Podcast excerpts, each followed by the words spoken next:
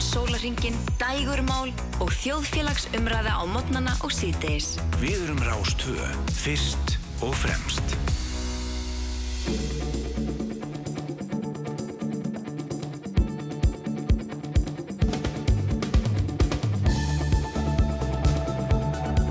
Sýteis útvarpið, alla virka daga frá fjögur til sex.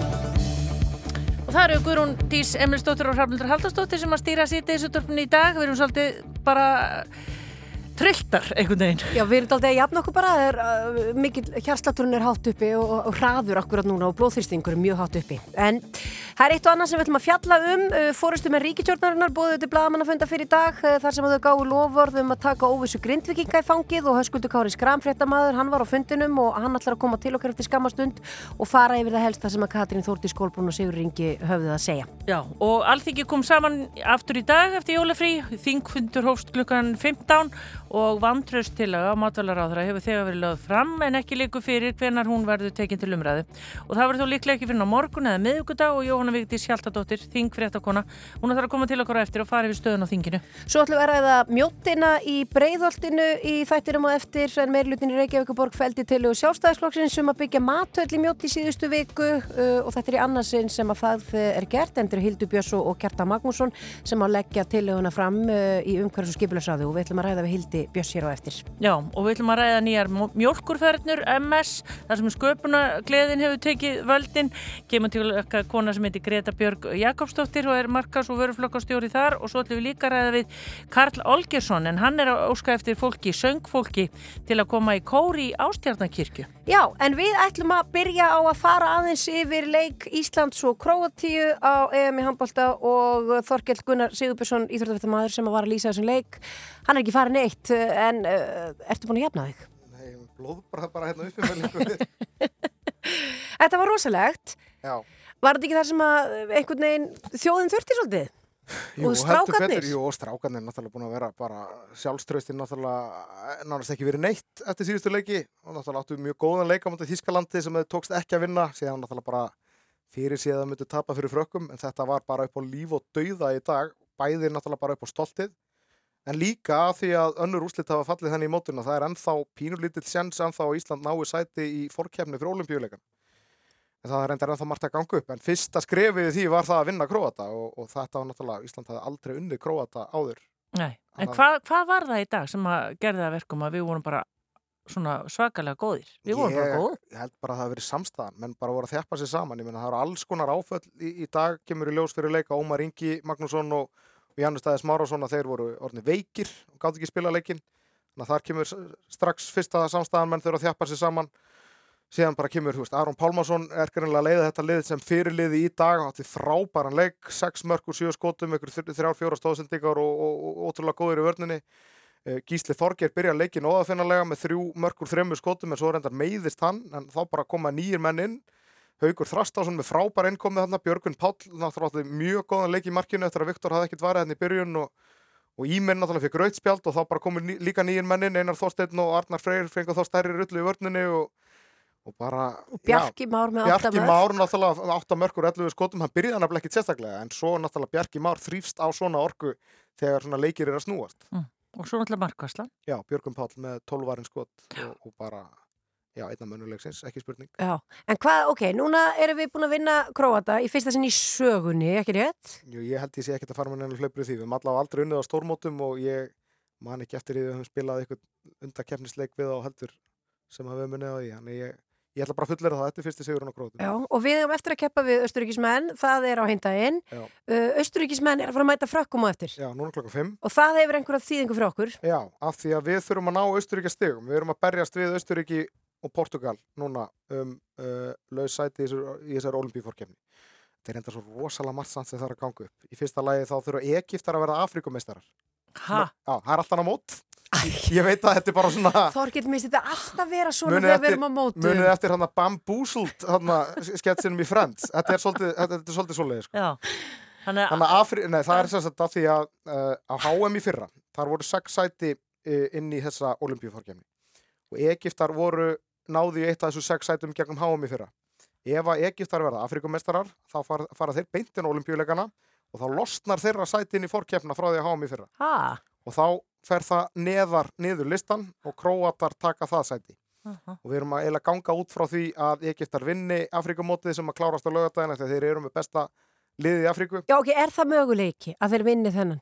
Þa, það, er, eru mjög góða líkur á því Ok, en það myndi svolítið skemma fyrir okkur ef þeir vinna ekki ok. en það er sem sagt, ef þeir vinna það þá taka þeir Króatana inn uh, við gerum svona ráð fyrir því að, að eitt af þessu liðum sem eru líka komin inn í þessa olimpíu fórkeppni frá háum í fyrra verði Evrópumestari eða þá Danir og Frakkar sem eru komin að inn og, og það nullast það út ég veit að ég er opaslega óskýr en þetta er bara, þetta er bara svo flókið Já. Mér finnst þetta bara mjög skýrt. ég er að reyna að útskýra þetta eins og hægt er uh, þannig að Króatar og Slóinar sem voru í 8. og 9. sæti á HM í fyrra taki þá þessi sæti sem losna hjá Evrópumesturunum og Afrikumesturunum þá eru þeir komin út úr jöfnunni og þá eru við bara berjast í Portugal og Austuríki við vorum að berjast í Holland líka en þeir bara geta ekki farið upp í, upp í þessi stig Mhm. þannig að þá eru að berjast um þessi tvö lausu sæti við Portugal og Austuríki þannig að ef allt gengur upp og frakkar vinna Austuríki á eftir þá eru við líklega að fara bara í úslitaleik við Austuríki á miðvikudaginn um það hvort liðana fer inn í þessu olimpíuforkemni. Já. Þar myndi Austuríkina í aftefli, við verðum að vinna og til þess að flækja þetta ennþá meira að þá eru ungverjar sem sagt núna með fjögur stig eins og Austuríki, við erum með tvö stig ef að þessi þrjúlið verða öll jöfn með riðlunum að þá er farið innbyrðis markatölu millið þessara þryggjarlega því að ungverjar unnu okkur og við myndum, ef við segjum að við vinnum Austuríki að þá er sem sagt farið í, í sagt, markatölu í þessu þremur liðum. Já, og þá erum- við að vinna Austuríki með fimm. Já, við Þannig að við erum pínu að vona að ungverjar bara náu sér í stig á móti Þískalandi í kvöld eða bara vinni Þískaland eða þá loka leikinn sinni í riðinum Ok, okay, þannig við viljum helst að ungverjar séu ekki inn í sér því að þá getum við bara sett þetta upp á miðvikudaginn að við bara þurfum að vinna Austuríki til að ná í Það- þetta olimpíusæti. Það er einfaldast fyrir alla. Þannig að við höldum með ungverjum í kvöld og við Höldum höldum með frökkum á móti Austuríki, Aha. við vonum að Egypt þar verið Afrikumestar, þetta, er- ég- þetta, þetta er bara Ég get eiginlega ekki ótrúlega verið í flókið. sítinsútum, ég þarf að fara að fara að horfa á alla þessa leiki. Þetta er ótrúlega flókið og ég, ég bara veit það og, og ég, bara, ég, ég bara er ekki til því að fólk bara snúi sig úr hálsliðnum yfir, yfir öllu þessu rugli en, en bara svona er staðan. Já, Svona en, er staðan. já. en við allavega unnum þennan leik í dag. Allir káttir, bara til hamingi Ísland. Já, og olimpíu draumurinn lifir að þá þó að þetta sé flókið. Einmitt. Takk Þorkell. fyrir þetta Þorkell.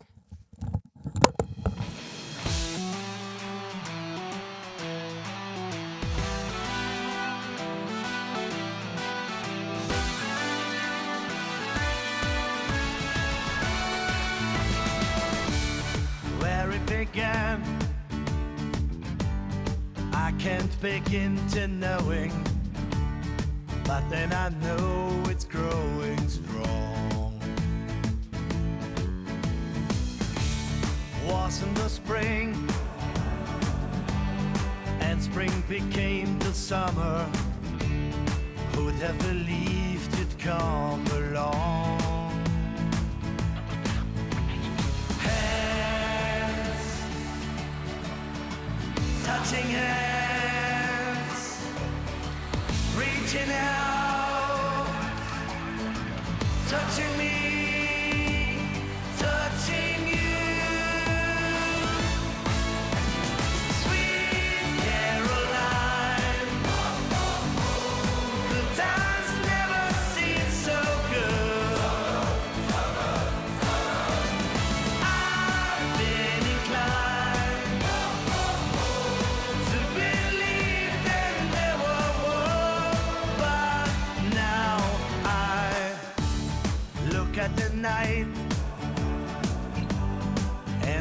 don't seem so lonely.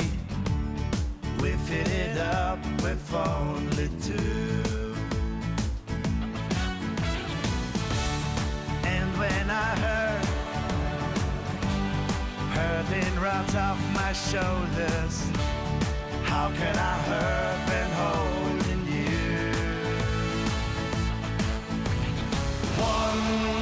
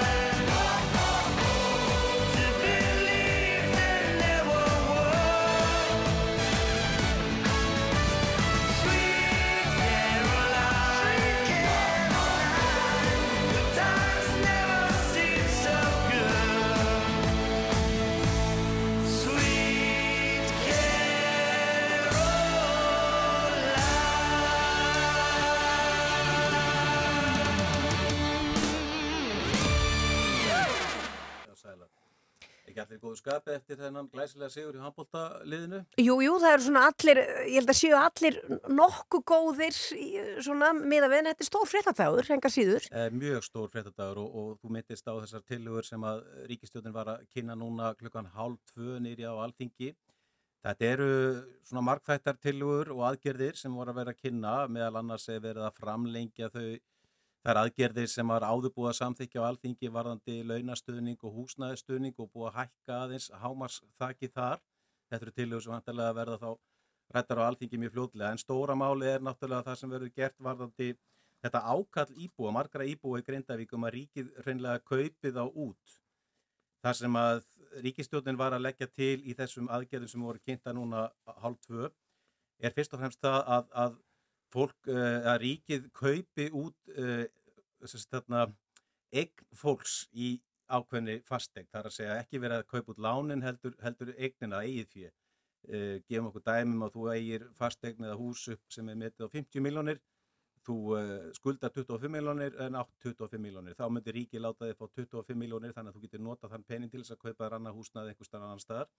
En hitt varandi það sem er þá lánin sem kvíla á húsinu sem er þá lán sem er í eigu fjármálastofnana, það verður einhvers konar bundið, einhvers konar samkómulagi sem á eftir að ræða og það, þannig að það eru margir lausir enda, end, endar ennþá í þessu dæmi. Þar að segja ríkið og eftir að ná samkómulagi þá við bankana og ekki síst lífverðisjöðuna en um það hvað verður um þessi lán og hvernig þau, þau uh, eiga að halda áfram uh, á meðan íbúðinni flytja á eitthvað annað og kaupa sér fastinn einhverstar annar staðar. Mm. En þannig að þeir sem eiga skuldlösa eign, þau fá nú bara, þá myndur þau fá hana greita út eða hvað? Sko það var náttúrulega minnst sérstaklega á það, það var talað með um fyrir þessu, þessu sérstaklega dæmi sem ráðamenn tóku í morgun eða þessast í dag.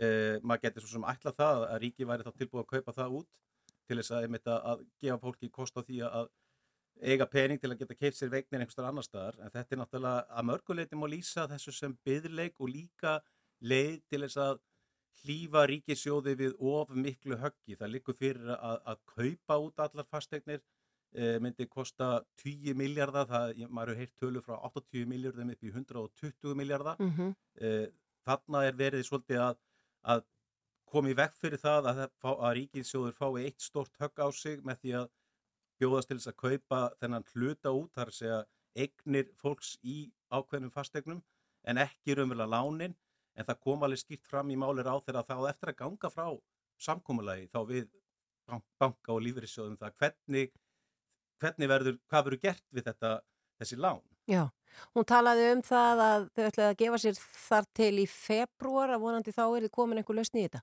Nei, þá sko þau ætla að leggja fram frumvarpið í februar næsta mánuði. Eh, það þýðir það náttúrulega að þau fá einhverja tvæð þrjá viku til þess að reyna að komast að einhverju niðurstöðu varandi þetta atrið sem myndist á varandi lánin. En svo náttúrulega málið og frumvarpið sjálft eftir að fara í gegnum þinglega meðferð og, og, og svona nánar lögfræðilega aðtugun og því hvort þetta dæmið gangir hinnlega upp. En þarna er þau, er þau pingulítið, eða ég segi ekki pingulítið, þau eru að reyna að eigða samt þessari óvissu, reyna að svara þessu ákalli fólk sem situr kannski fast, e, e, allt eigið fyrir bundið einhverju fastegn sem er á svæði þar sem það má ekki vera og einhver stað þarf fólk að búa eðlilega og, og, og þess vegna er svona verið að reyna að mæta þeim bráðavanda með þessar aðgerð en, en kannski ekki taka skrifið til fulls heldur svona að hálfuleiti. Já, einmitt. En er þver pólitísk samstaða teluru um þessar tilur? Já, mér heyrist það. það Fórsættisráð þeirra var að kynna þennan aðgerðapakka í umræðu núna á Alþingi og, og þar hafa fórustumöðin stjórnar anstöðun að tekið til máls og mér sýnist það að, að það sé þerrpolítisk samstæðum það á alþingi og raun og veru með flestar landsmannum það að þjóðin komi og stiði grindvikinga til þess að, að þeir getur hennilega, já, fengið þakka yfir höfuði, þannig að ég held að sé þerrpolítisk sátt um þetta mál, auðvitað eru skiptar meiningar á því, skiptar skoðanar á því hvernig og hver, hversu langt eigi að stíga og svo framvegs En að grunnum til eru allir held í tilbúinir og að samþykja aðgerðir sem að miða því að leysa úr þessari óvissu. Já, uh, líka kom fram hérna að ríkið ætlar að tryggja þeim sem ekki sótt vinnu til grindavíkur, mm -hmm. einhverja, eh, einhvern stöðning. Já, þetta er bara raunverulega áframhaldandi á þeirri aðgerð sem að tók gildi núna eftir járskjáltan í nógumber þegar bæri var rýmdur þá og það er verið að framlengja þær aðgerði, það er átt að gilda til lok februarmánar, en það er, það er framlengt aðeins lengur. Að tryggja þeim laun. Já. Já. Eh, meira um þetta vantarlegin á Rúbundurís og svo í kvöldfrittum vantarlega sjónvarps. Hörskuldi Kári Skram, takk fyrir að koma til okkar. Takk. Síðdeisútvarfið á Rástföð.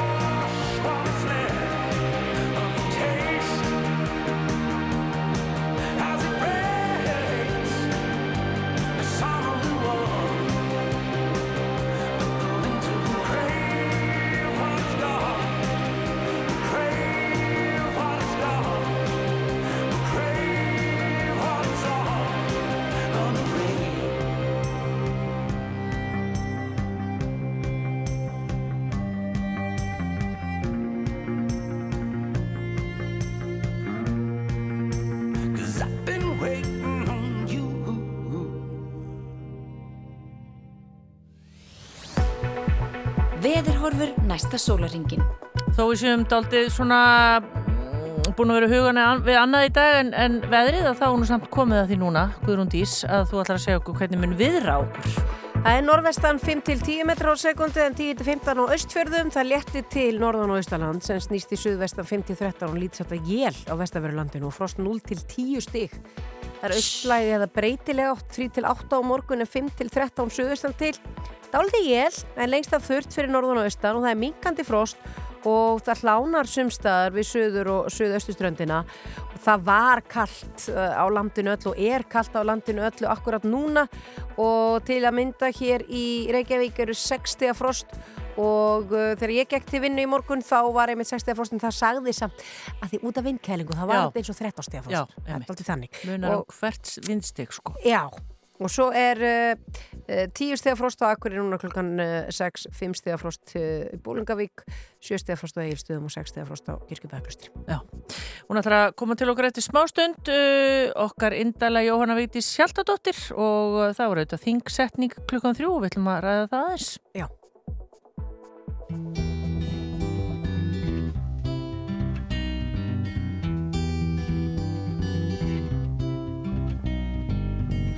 tripping with my two favorite allies. Fully loaded, we got snacks and supplies.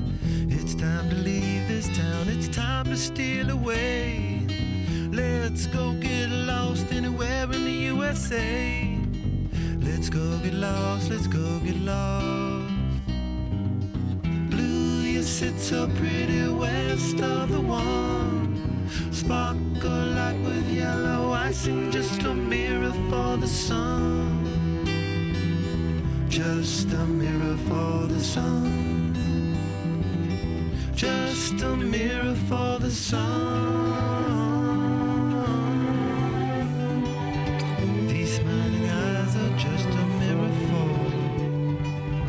So much has come before those battles lost and won. This life is shining more forever in the sun. Now let us check our heads and let us check the surf. Staying high and tries more trouble than it's worth in the sun. Just a mirror for the sun. Just a mirror for the sun.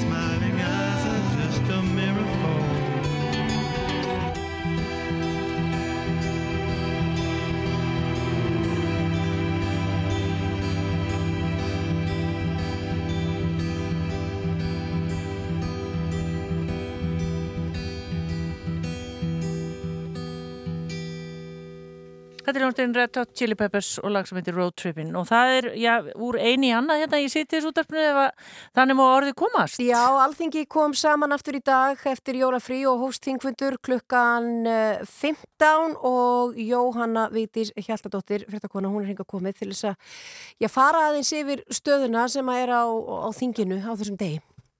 Já, það er alveg rétt að þingfundur hófust á ný eftir þetta hlýja sem búið að vera sen í desember og þingfundur var fresta 16. desember, það búið að gjósa tveisvar síðan og þess þingfundurinn í dag byrja á því að fórsættisáþur að flutti munlega skýslu um stöðun í Grindavík og fór svona yfir stöðun og þær aðgerði sem var að kynna í morgun um hvað þetta ráðast í og hún sagði auðvitað að þetta væri eitt stærsta, eða teldist vera eitt stærsta verkefni lífveldisóðunar, sagði Katrín í ræðun í dag og þessi umbrott á Reykjaneskaganum öllum. En það sem engendi síðan þessa umræðu var gríðarlega mikil samstafa og svona einhugur með Grindavík og Grindvíkingum og að ganga bara eins langt og við mögulega getum. Mhm. Og þetta einkendi ræður bæði stjórnarliða og stjórnarandstöðunar. Já. Umræðan stendur enn, henn er ekki búið, henn er ekki lokið og síðan taka við óundubúnar fyrirspurnir þótt vissilega sér ná önnur stemningin kannski nýra á alþingi núna heldur en hún var í hátteginu. Já, já, það einmitt, uh, það komu ömulega fréttir áðan frá Svandísi Svavastóttur. Já, það var eiginlega bara á slæginu þrjú bara um það leiti sem þingfundur var að hefjast sem að, að hún byrtir þessa fæslu og uh, 20 myndum áður hafði Inga Sæland og þingflokkur flokksfólksins lagt fram þessa vantraustilögu uh, á hendur matalar á þeirra, lagt það fram á, á alþingi. Og það stóð til að fórseti alþingis myndi funda síðan með þingflokksformunum síðar í dag um það með hvaða hætti umræðinu er því hvernig hún myndi fara fram, hvenar og hvernig hún er því. Mhm. Og mér sýnist nú öllu sem er að koma fram núna að, að það verið fallið frá þessari vantröstölu og mér heyrist það á Ingu Sæland líka þess að hún hefur sagt við okkur að, að það hefur ekki mikið upp á sig að, fjallum vantröstölu þegar að Sandís er farin í veikindarleif og sendur við henn að sjálfsögða mjög góða rúskir. Já.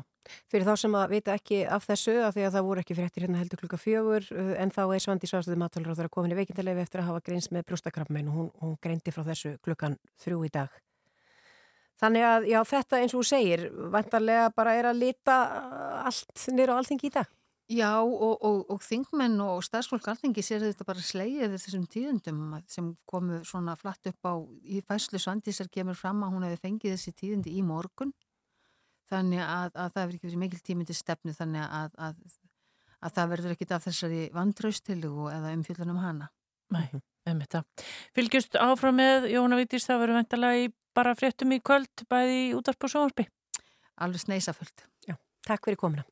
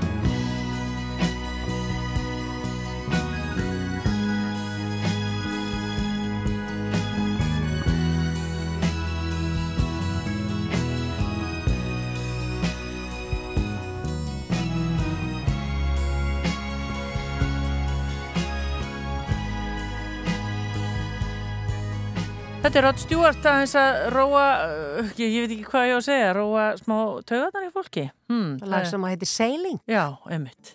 En uh, það eru að koma tilkynningar og fréttir núna klukkan 5 og uh, við ætlum að gera ímislegt á setni, setni klukkutímanum.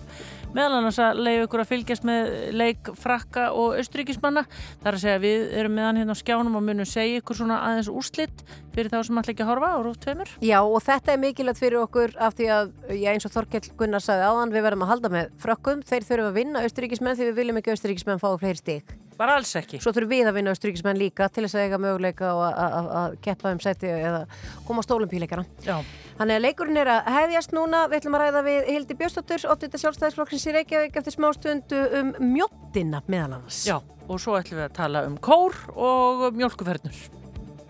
Endum þetta fyrir 5 á hljónstinni Coldplay.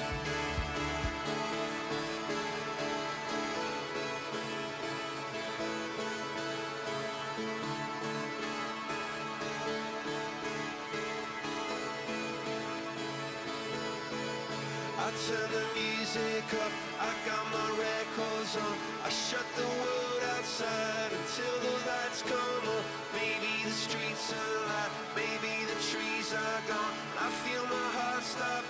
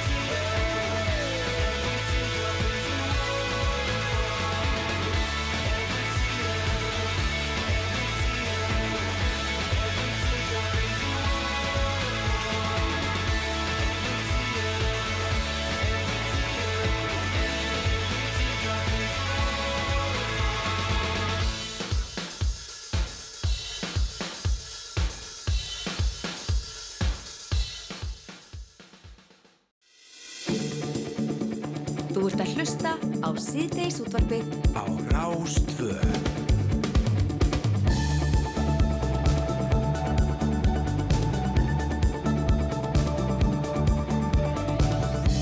Og við höldum áfram í síðdeis útarpinu, það er eitt og annað sem við ætlum að taka fyrir á þessum klukkutíma. Við ætlum að forvitnast um mjólkurfernur, já, ég veit þetta hljóma svolítið skringilega, en fernuflug er eflust eitthvað sem að fólk hefur tekið eftir að standi á mjólkurfernum frá MS þessa dagana og svo er einhver svona textabrót og annað slíkt á fernunum líka og hver mann ekki eftir því Rafnildur þegar við vorum yngri þá las maður utan á mjölkufernur Já, þá borðaðir korflösið eða seriósið eða hvað það var. Já.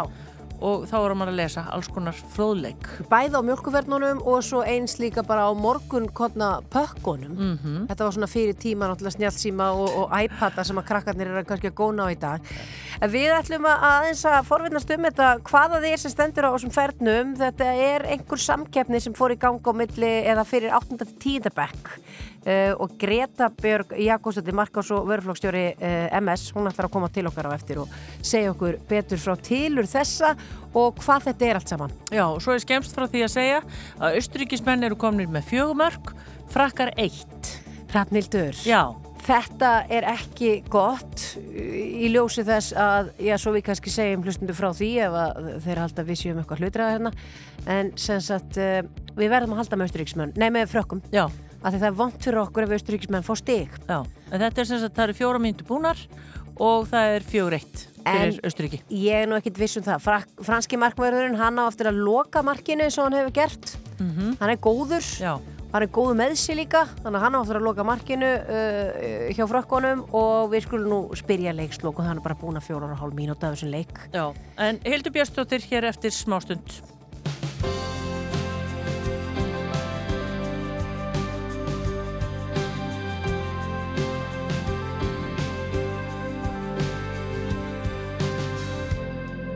Side with a difference, making it something it's not. Resting your thought on the conflict, it's not a creature in the sky.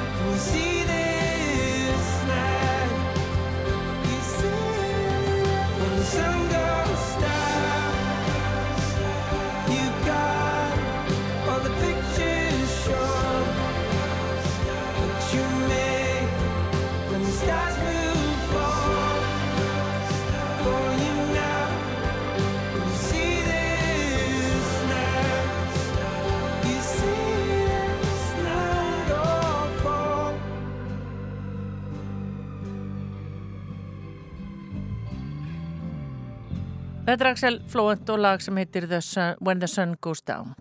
En við ætlum að ræða mjóttina í breyðoltinu næstu mínúturnar en meirhlutin í Reykjavíkuborg feldi tillögur sjálfstæðisflokksins um að byggja matöll í mjótti í síðustu viku. Borgarfulltrúa sjálfstæðisflokksins Hildur Björnstóttir og Kjarta Magnússon lögðu tillöguna fram uh, og þetta var í annarsinn sem að hún er lögð fram í umhverfs og skipilagsáði og Hildur Björnstóttir er á línunni hjá okkur. Kontu sæl og blessuð Hildur. Komið sæl.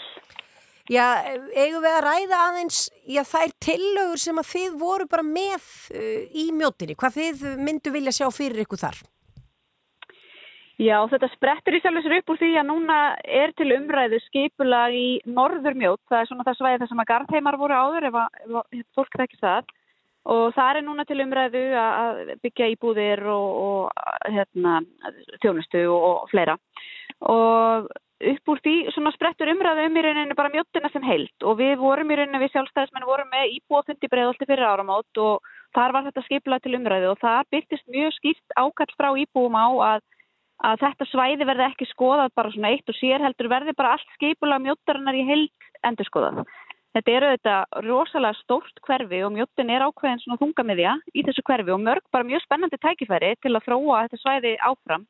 Þannig að við hefum svona aðeins verið bara að skoða hvað er þetta að gera til að lyfta svæðinu upp og tryggja að þarna sé svona þessi þjónustu þungamiðja sem mjóttinu þetta er en að það sé kannski meiri starf sem er líka þarna á kvöldin. Það eru er þetta kvikmyndahús þarna nú þegar en, en það er eftirspurn eftir svona meiri kannski veitingarekstri mm. og inn í þetta kemur þessi tillaga frá okkur Kjartani Magnúsinni um að, uh, að koma fyrir húsnaði þar sem geti verið rekin matöll og hún er þetta rekin af engaðilum. Uh, og það, þetta er þá í námönda við sko strætóbeðstöðuna þannig að þetta veri bæðið, þetta er bara þjónust af íbúa og við strætisvagnar farþega og þetta er eitthvað sem að vantar svolítið að mætti vera meira af í, í kringum breiðholtið í þetta stóra hverfi og við vorum svolítið hissa að, að tillögunni var hafnað og eins og ég sagt áður þá ég held ég að hugsa ég að tillögu matall hafi nú ekki áður verið hafnað í Reykjavík. Næ, en margi segja nú að það séu orðnar og margar matallinnar.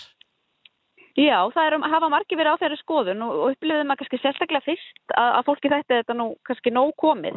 En þar hafa nú eiginlega allar gengið mjög vel og, og verið ansi vinsalar en þar eru flestar svona ansi vestarlægi borgin og kannski kringum miðborgina. Það er hérna, einu upp á höfða sem að gengur greiðlega vel.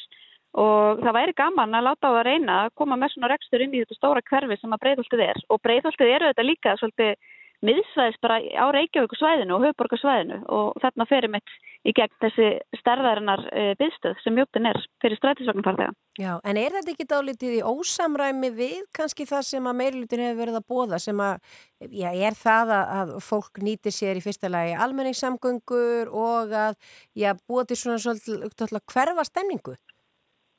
Jú, mér finnst það og við vorum að hissa á því. Við sjálfstæðismenn höfum líka talað fyrir því að hverfinn fá að vera svolítið svona, já, innan þeirra geti byggst upp þjónusta þannig að fólk geti sótt helstu helstu nöðsynjar og þjónustu innan hverfisins. Það er það sem að mjög margir vilja nú til dags, geta búið í hverfi þar sem að hægt er að sækja vestlun og þjónustu og kaffihús og, og veitingahús og annað bara í kannski gungufæri eða, eða stuttu axtursfæri.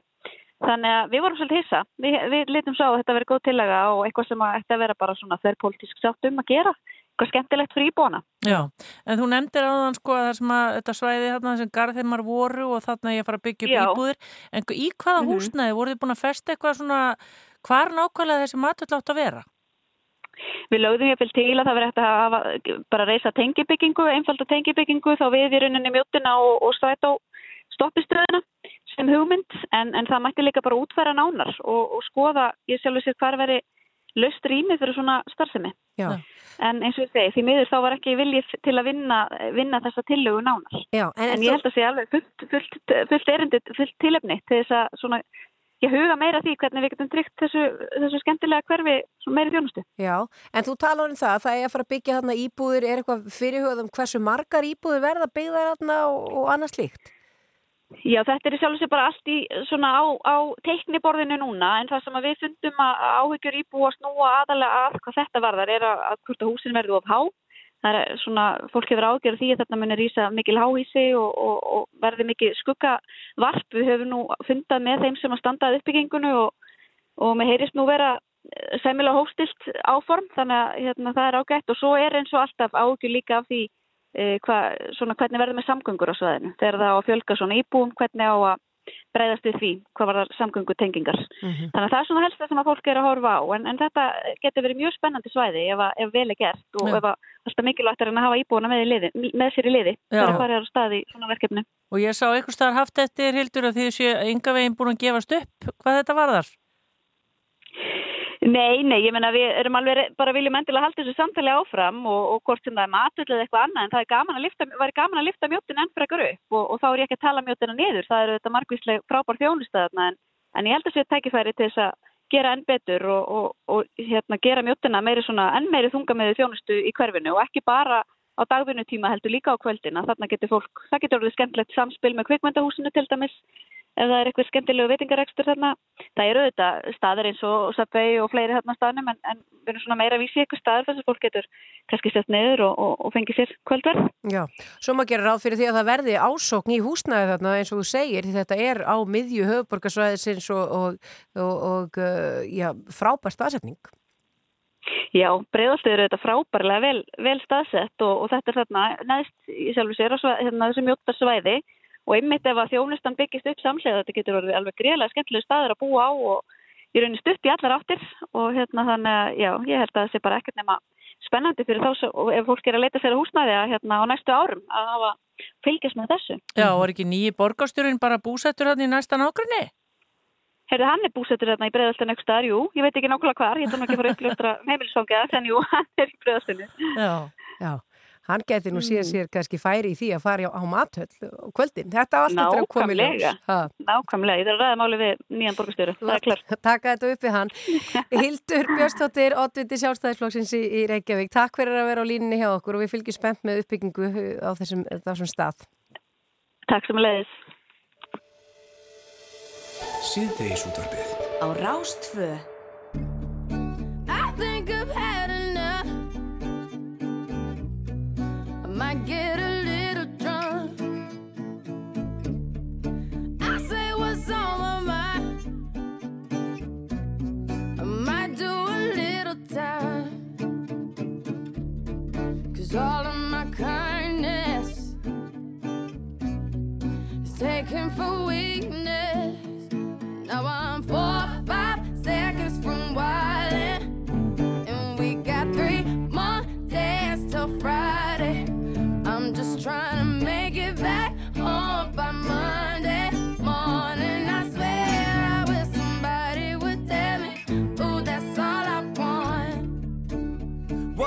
an optimist.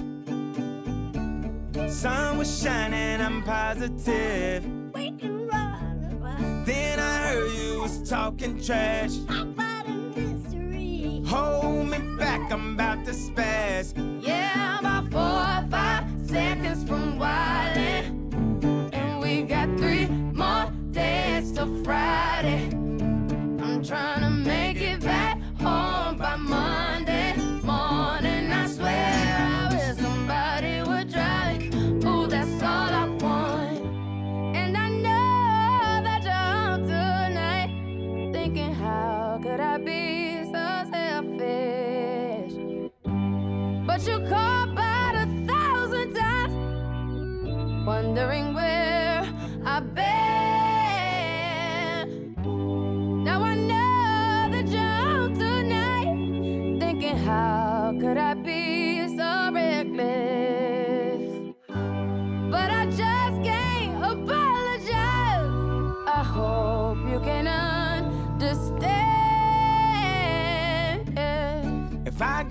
jail tonight, promise you'll pay my bill. See, they wanna buy my pride, but that just ain't up for sale.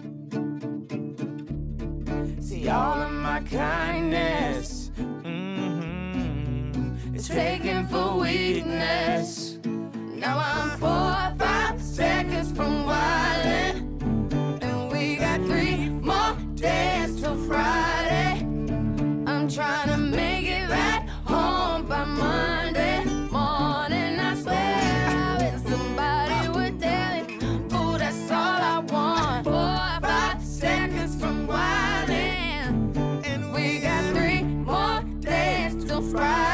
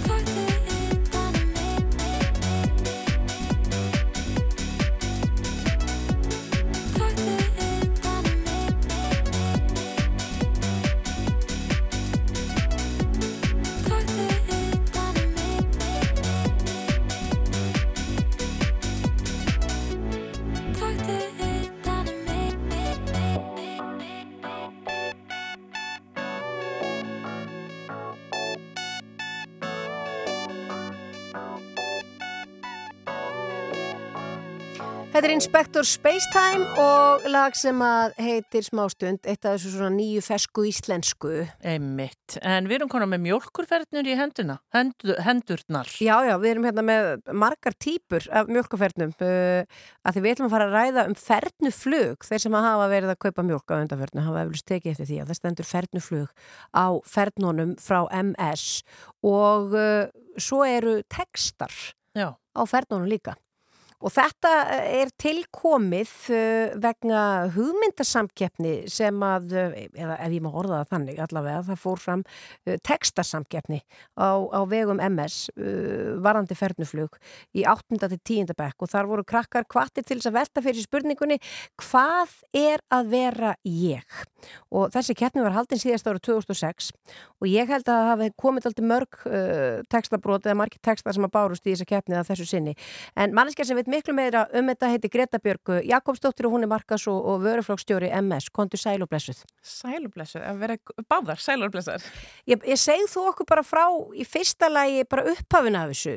Tilur þess að það sé yfir höfu verið að setja eitthvað á mjölkurfernur annað en það sem ætti að standa aðeins sem er undar enn á nýmjölk og svo bara innihald. Já, mjölkursansalan hefur sagt alveg allt frá 1994 svona sett íslensku svona, og haft hana í öndvegi og reynd að gera henni háttundur höfði með því að byrta allskins fræðandi, upplýsandi og skemmtilegt efni á mjölkuförnunum. En það er svona skemmtilegur miðill sem að við mörg hver grípum til á hverjum degi og á fastansessi í ískapnum hjá landanum. Og við vitum þetta er dýrmætt plás og við förum mjög sparlega og vel með þetta dýrmætta plás og höfum uh, verið, eins og ég segi, frá 94 verið í samstarfi við Íslenska málnemnd og nokkru sinnum uh, brúða á það ráð að hérna, byrta svona sérstök svona íslensku átök á ferðnunum og höfum til dæmis verið með þessa textasamkefni sem var síðast fyrir 20 árum sem heitir ferðnuflug.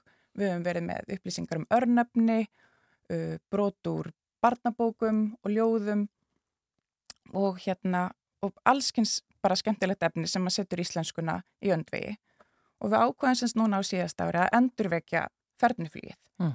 og spyrja krakka á aldrinum, eða í 8. til 10. bekk uh, hvað er að vera ég? Og þessa sama spurning var lögð fyrir krakkana eða semst þennan sama aldur fyrir 20 árum síðan og var ótrúlega skemmtilegt svona að bera saman líka textana og þau eru að velta fyrir sér sömum hlutum sem sagt bara samskiptum við vini og fjölskyldu og áhuga málinn þeirra og þau eru mörg hver að leita svona inn á við. En það sem við erum kannski að sjá núna sem var náttúrulega ekki fyrir 20 árum síðan að það eru samfélagsmiðlarnir og svona pressa samanburður. Það var, það var svona öðruvísi pressa og svona samanburður hérna, uh, Fyrir fyrir 20, 20 árum síðan já. heldur en núna. Og, hérna, og þetta var ótrúlega fjölbreytir textar, þetta voru 1200 textar sem við fengum Og áttu þau að gera ljóð eða segja bara... Það, í rauninni var sko, var, formið var alveg frjálst. Já. og þau gáttu skrifað, þetta var svona hugleðingar við fengum stundum eins og dagbúkafæslur eitt textin var til dæmis bara hvað er að vera ég? Að vera ég. Og hann rata á ferðinu Já. skemmtilega framsettur það sem að setni línan var bara búið að strika yfir hvað er. Og, hérna, og þetta var alls konar. Og við fengum, þetta var allt frá því að vera einmitt svona hugleðingar og, og hérna, og það rutu, þú veist, sumir textarnir voru þess aðeins að, hérna, að nöfn eh, textahöfunda voru bara gefin upp þau voru að skrifa, þannig að þá gáttu við sex, strax svona tekið það frá. Sumir textarnir voru mjög einfaldir bara hæ, ég heiti Óli, ég er í fellaskóla og minnst gaman í fótbolta. Mm. þannig að það var kannski ekki alveg það sem við vorum að leita að okkur fannst eiga erind á fernu en fullt af svona skemmtilegum textum sem við hérna, fengum en svo voru þeir djúpir, þeir voru krefjandi að lesa, þeir voru skemmtilegir En hvað rötuðu margir textar á fernur? Af því þú veist, það voru einhver, einhver velunasæti, einhverju velunatekstar, en svo eru líka, er það ekki, fóru fleiri en bara velunatekstar á fernur? Já, þetta voru 48 textar sem að rötuðu á fernurnar af þeim 1200 sem bárust og við verðlunuðum sérstaklega uh, þrjá texta og hérna við vorum þá nokkur saman í domnemnd Ásmundur Einar ráþara var verndari keppninar og satt í domnemnd og með okkur voru líka starfsfólk frá Íslenskri málnemnd og árnarstofnun uh, fleiri úr markastelt mjölkursamsölunar frá auglýsingastofin okkar NM sem heldur utanum uh, hérna, uh, fernu hönnunina og einmitt teikningarnar eru eftir hann Elias Rúna sem að myndlisti tekstunum sem er á fernunum. Þannig að við vorum alveg, þetta var góður hópur sem að hérna, valdi semst, þrjú verðlaunarljóð sem voru verðlaunir sérstaklega Já. með peningagjöf. Já, en ég meina hérna, ef ég grýp bara til dæmis hérna, hvað er að vera ég? Hérna er uh, einhver sem svarar. Uh, hún segir hérna, tvíbur er orðið sem að gera mig að mér. Ég mun útskýra það frekar hér. Sisti mín er ég og ég er hún. Þótt augun hennar séu blá og mín græn brún. Hári mitt er krulla og hennar slétt en við höfum verið saman síðan mamma var ólétt. Þegar að sýsti mig grætur þá græt ég með, þegar hún hlær, hlæ ég, það hefur ný skeð, sömu vinkonur sama heimili, við erum eins og sami aðili, sömu herpeggi, sömu foreldrar, að vera með henni, líf mitt auðveldar, útgáðunar af mér eru margar, en þær byrja alltaf á sýstu minni og hún lífi mínu bjargar. Menna, þetta er ekkert smá flottu texti. Þetta er dásamlegt. Hjá 14 ára stúlku sem er í grunnskóla Vestmanæður og heitir Inda. Já. Já. Og, og voru krakkarnir alveg til í að, að, að, þú veist, að nefnið þeirra myndu fylgja með og svona Já, og við einmitt gættum þessa því að textarnir sem bárust, þeir voru allir undir dullnefni þannig að við vissum ekkert strax hvaðan krakkarnir voru eða, eða einmitt hvaðan þeir voru og hvað þeir voru gömul. Og svo kom það bara alveg skemmtilega óvart að þegar við vorum sagt, komin með þessa 48 texta sem að hérna, við hérna, rötuðu semst á fernunar eftir, þessa, eftir hérna, yfirferð hjá domnefnd að þá var sagt, e, textin sem að lendi í fyrsta sæti og hérna það var stúlka úr Árbæjaskóla sem heitir Hekladís og Sea og í öðru sæti var stúlka frá Akureyri sem er stundan á mig Glerárskóla heitir Torf, Torfhildur Elva Friðbjörgar Tryggvadóttir og í þriða sæti var hann Rafn Íbsen Ríkarsson úr heiðaskála í Reykjanesbæ. Þannig að þau dreifðust svona vel um landið Aha. og hérna og rosalega ólíkir þessir þrýr texta sem að voru í, í fyrsta, öðru og þriða sæti. Já Þetta er mjög merkilegt. Haldið þið eftir að gera þetta aftur? Verður þetta ekki, verður ekki bara doldið krafa á ykkur að gera þetta já, með reglulegu millibili? Þetta er, þetta er skemmtilegt aflest, aflestrar. Og... Já, við erum allavega búin að fá hérna alveg fjöldamörg skilabóð þar sem fólk og foreldrar og kennarar eru alveg gríðarlega ána með þetta framtak og eins og hérna við erum líka búin að fá að heyra það að þetta ætti bara að vera skilduverkefni í grunnskólum og hérna þetta væri bara, bara rannsóknar efni í rauninni hérna að, að fá, að, þú veist, eiga þessa heimild yfir bara líðan barnan okkar á hérna á þessum aldri og bara að þetta er stór spurning til að velta fyrir sér. Já. Þannig að við allavega, við erum alveg til að hérna hafa þetta sem hérna, reglulegt verkefni, við ætlum allavega ekki að býða í annur 20 ár. Nei, en eins og þú segir, þau eru komið með svona hálfgerða samanburðar ansókn á því hvernig já, 35 ára einstakleikum í dag svona cirka leið fyrir 20 Já, árum og já. svo þá 15 ára, 14, 15 og 16 ára bönnum í dag. Já, sem er ótrúlega dýrmætt. Þetta er, við vorum sem sagt tvær sem að lásum alla 1200 textana og við sögðum allan tíman á meðan við, hérna, þegar við vorum að lesa, þetta væru bara forréttindi. Já. Og af því að þetta bara, það er ekkert allir sem að fá að skiknast svona inni í, í hugar heima krakkan okkar. Já, úlinga. Nú Þetta munum við aðeins gefa þessu betri gauðum. Ég er mynd með veluna hérna, þetta er á langu texti til að lesa núna, hérna frá henni uh, Torfildi Elfu Friðbjargar Tryggvadóttur, en þetta er ótrúlega djúft og flott. Já. Ég vil segja þetta sé ljóð, einhvern veginn. Já. En akkurat, við hvetjum fólk til þess að gefa þessu gaum og, og skoða, lesa, leggja frá sér símana og bara aftur að lesa á fernurnar þegar maður situr og er að borða það að drekka kaffi sitt. Uh, Greta Björg Jakobsdóttir Markas og verðflagstjóri MS, takk fyrir að koma og segja okkur frá þessu og bara til lökum með þetta. Takk fyrir kærlega.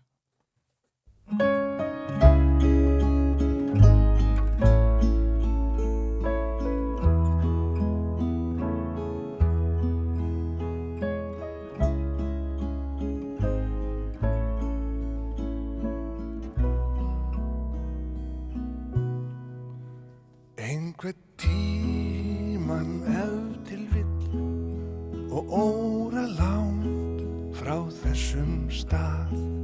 Mun ástinn hörfa heim til þín og hjartan styrum knýja að. Og innmitt þá og innmitt þar mun ástinn krefja þig um svar og þá er rétt að rifja upp orðin mín. Þau eru styrð, þau eru fá, þau sjálfsagt aldrei flugin á. Þau munu engað síður alltaf býða þín.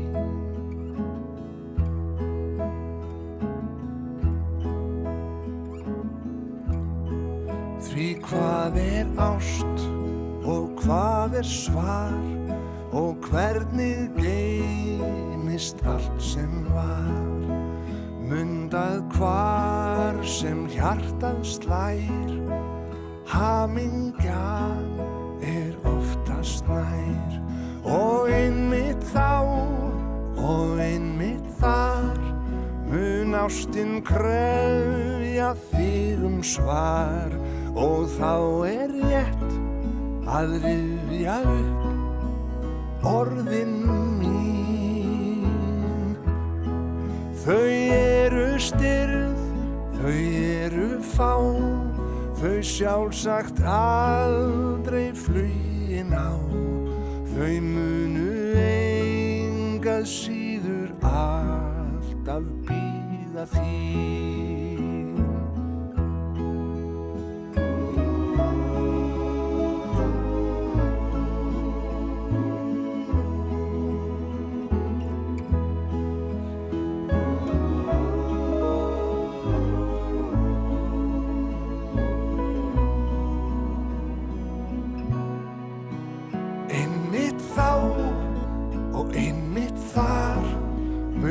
Ástinn krefja þig um svar og þá er rétt að rifja upp orðin mín. Þau eru styrð, þau eru fá, þau sjálfsagt aldrei flugin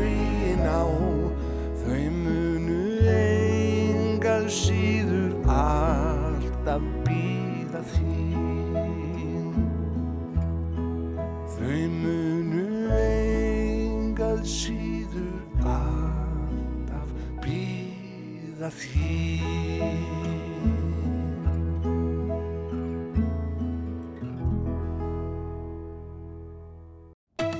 Fylgstu með Rás 2 á samfélagsmiðlum. Flettu upp Rúfrás 2 á TikTok. Rás 2 Fyrst og fremst.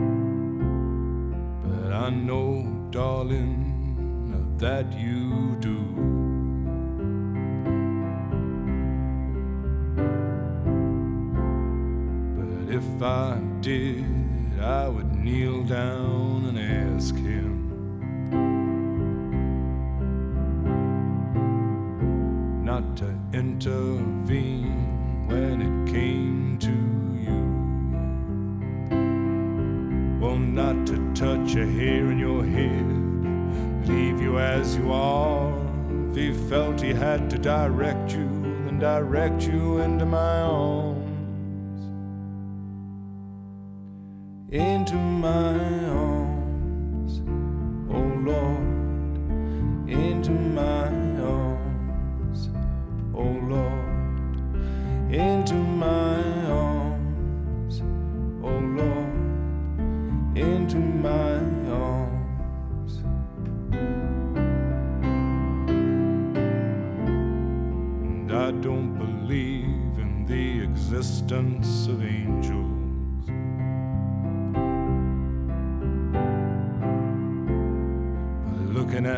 you, I wonder if that's true.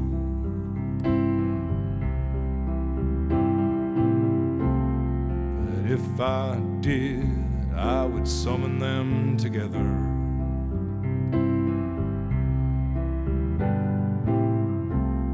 And ask them to watch over you.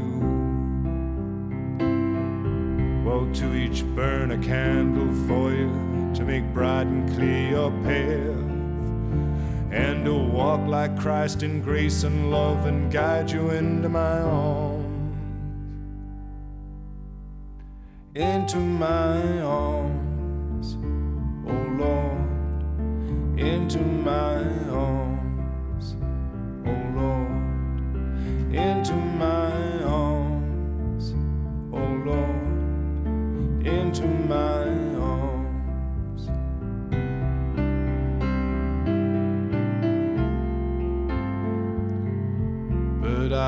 believe in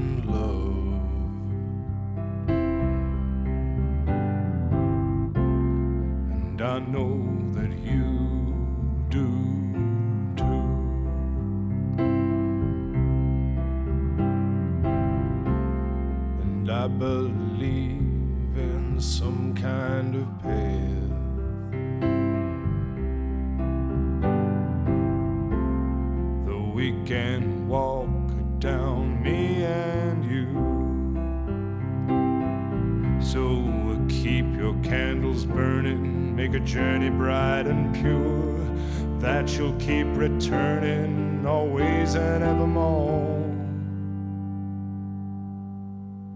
Into my arms, oh Lord, into my arms, oh Lord, into my arms, oh Lord, into my arms. Þetta er Cave Into My Arms og við vorum nú aðeins að kíkja bara hér á miðlana og þar voru til dæmis fréttir á honum Gísla Þorgeri sem að fór beint upp á spítala.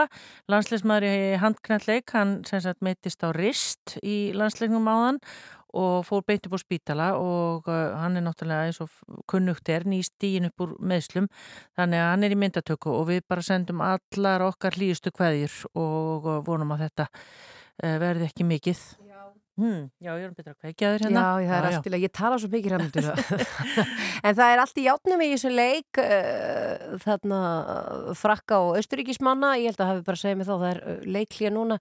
Síðastri leit á uh, skjáin sem var nú bara svona hálfur mínúta ára en það var búið þar að segja að það var farið í, í, í hlje þá var staða 15-15 Já, ég var nú kannski komast það var mjög jafn leikur. Já, en Bjarki Már uh, Elísson sem var markaðastur í Sýrurum á Gróati og eða með handbólta í dag segist hafa verið farin að sakna hraða uppleipana og, og hann býður spenntur eftir að lesa um framhaldi á internetinu uh, uh, á meðan á Ólimpíu leikvon Íslands lifir og hann er þá örgulega að vísa í það hvernig þessi leikir munu fara því eins og við erum búin að vera að segja, það skiptir máli fyrir okkur núna, hvernig þessi uh, frakka og austuríkismanna leikur fer og eins og líka Þorkell Gunnar var að segja að þá verða Egiptar að vinna Afrikudeildina og svo framvegis og helst Danir að ég vinna mögulega EM því þá fara þeir þannig áfram og uh, já Þetta er, svona, þetta, er, þetta, er, þetta er þessi íslenska leið sem er það skiptir allir máli hvernig restin fer. Já, einmitt, en hérna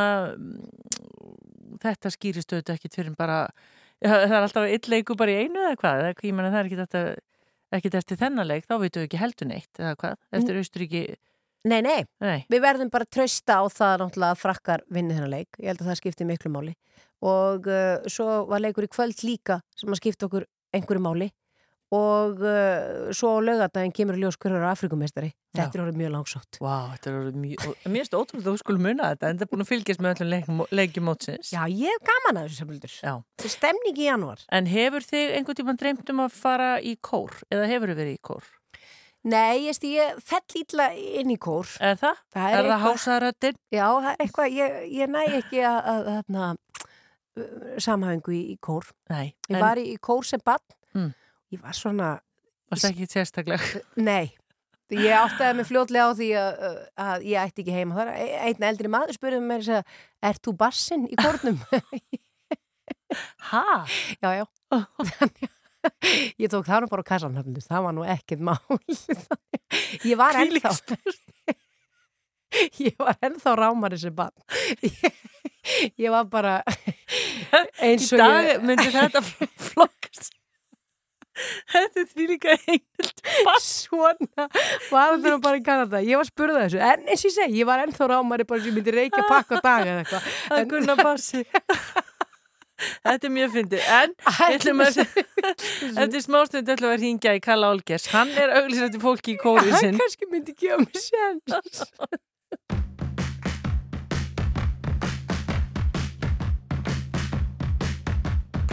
All right.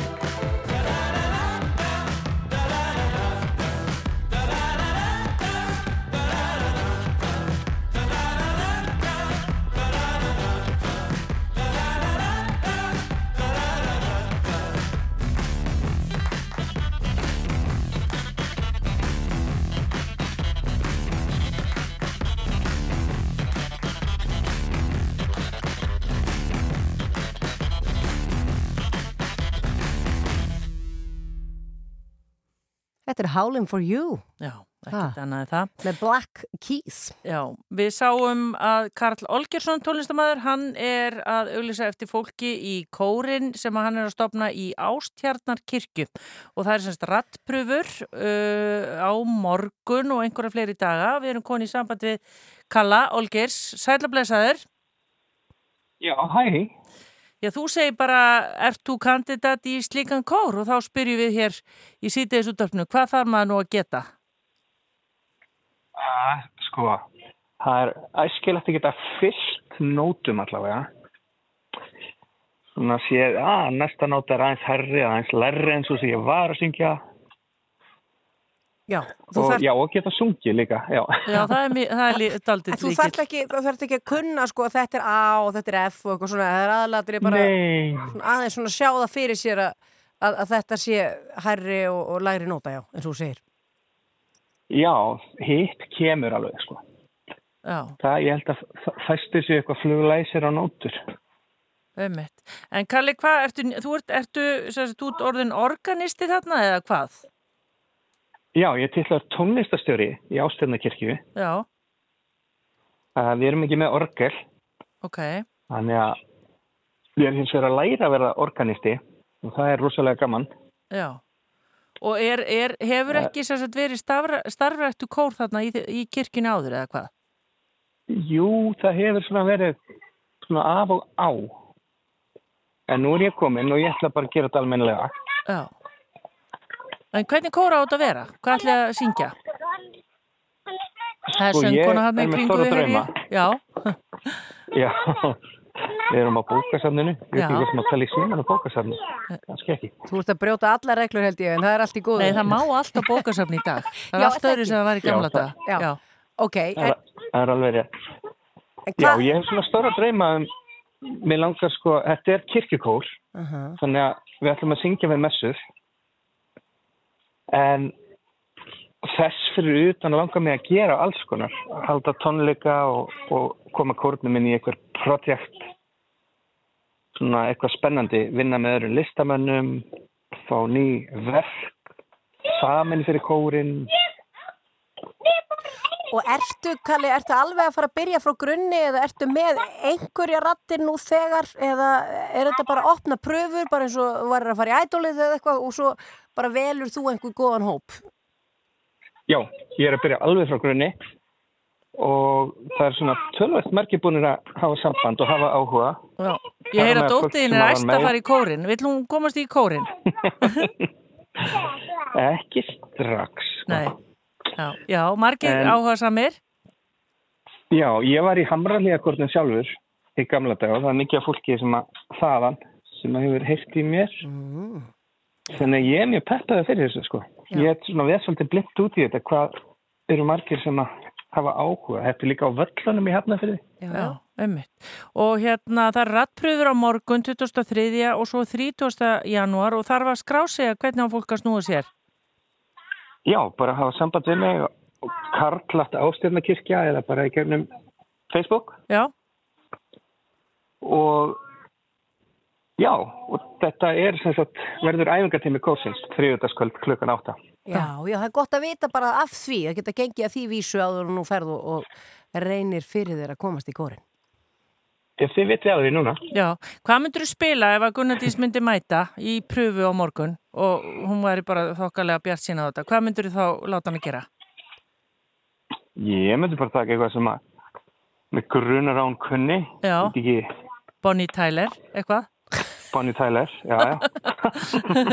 Auðvitað. Já, já, jú, jú, þetta er bara svona almenn, fólk ræður sérst bara hvaða uh, kemur og tekur í bröðinni, já, já, já.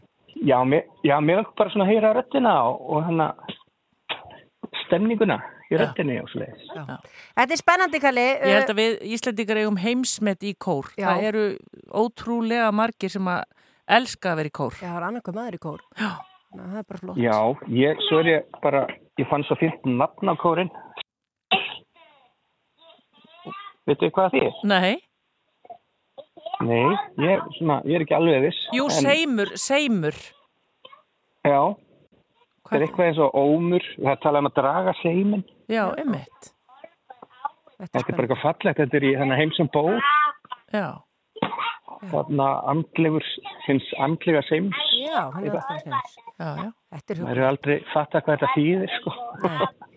Við auglýsum, við auglýsum eftir því hér með að, að vita, að fá uppástungur af því hvað seimur þýðir. Já, það er áhuga sem er Já, spennandi. Já.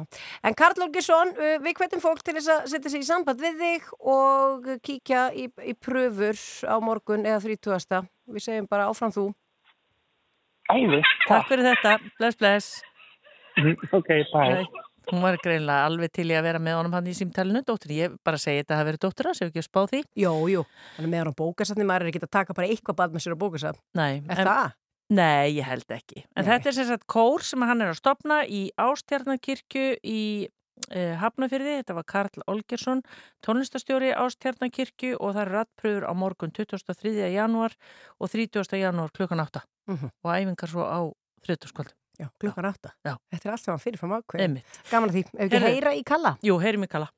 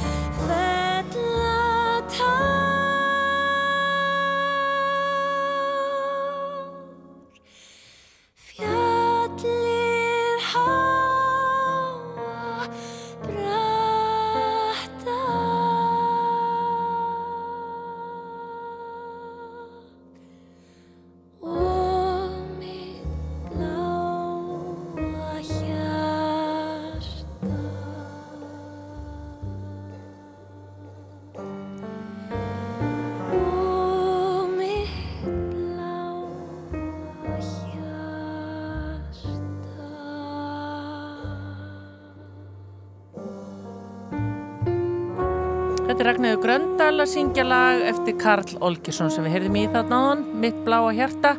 Sáðum við ef ekki heyra í Kalla en hann spilar væntalega á píanóð í laginu og lagið er eftir hann en það er auðvitað sungið af Ragnæður Gröndal.